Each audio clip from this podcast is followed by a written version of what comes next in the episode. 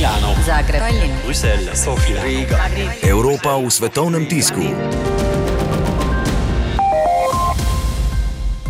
Naslovnice svetovnih časnikov danes komentirajo rezultate evropskih volitev.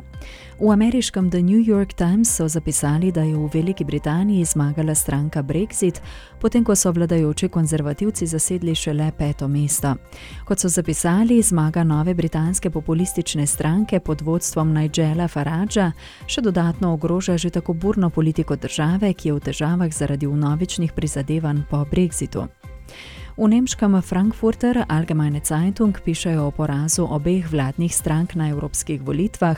CDU sicer upa, da bo njihov kandidat Manfred Weber izbran za predsednika Evropske komisije, socialdemokrati pa so izgubili 12 poslancev, kolikor so jih pridobili zeleni, ki so postali tudi druga najmočnejša stranka za CDU in bodo v Evropskem parlamentu imeli 21 poslancev, s tem pa so dosegli zgodovinski uspeh. Močan napredek zelenih so zabeležili tudi v Franciji, kjer so se ti uvrstili na tretje mesto.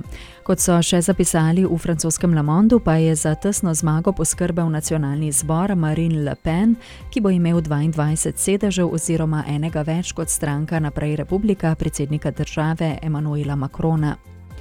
V slovenskem delu pa prav tako pišejo o smerki za naslednjo petletko. Zmaga SDS-a in SLS-a, skok SD-ja, ki ima tako kot LMŠ dva evropska poslanca, razočarani pa so v Levici in Desusu. Milano, Zagreb, Tallinn, Bruselj, Sofija, Riga. Evropa v svetovnem tisku.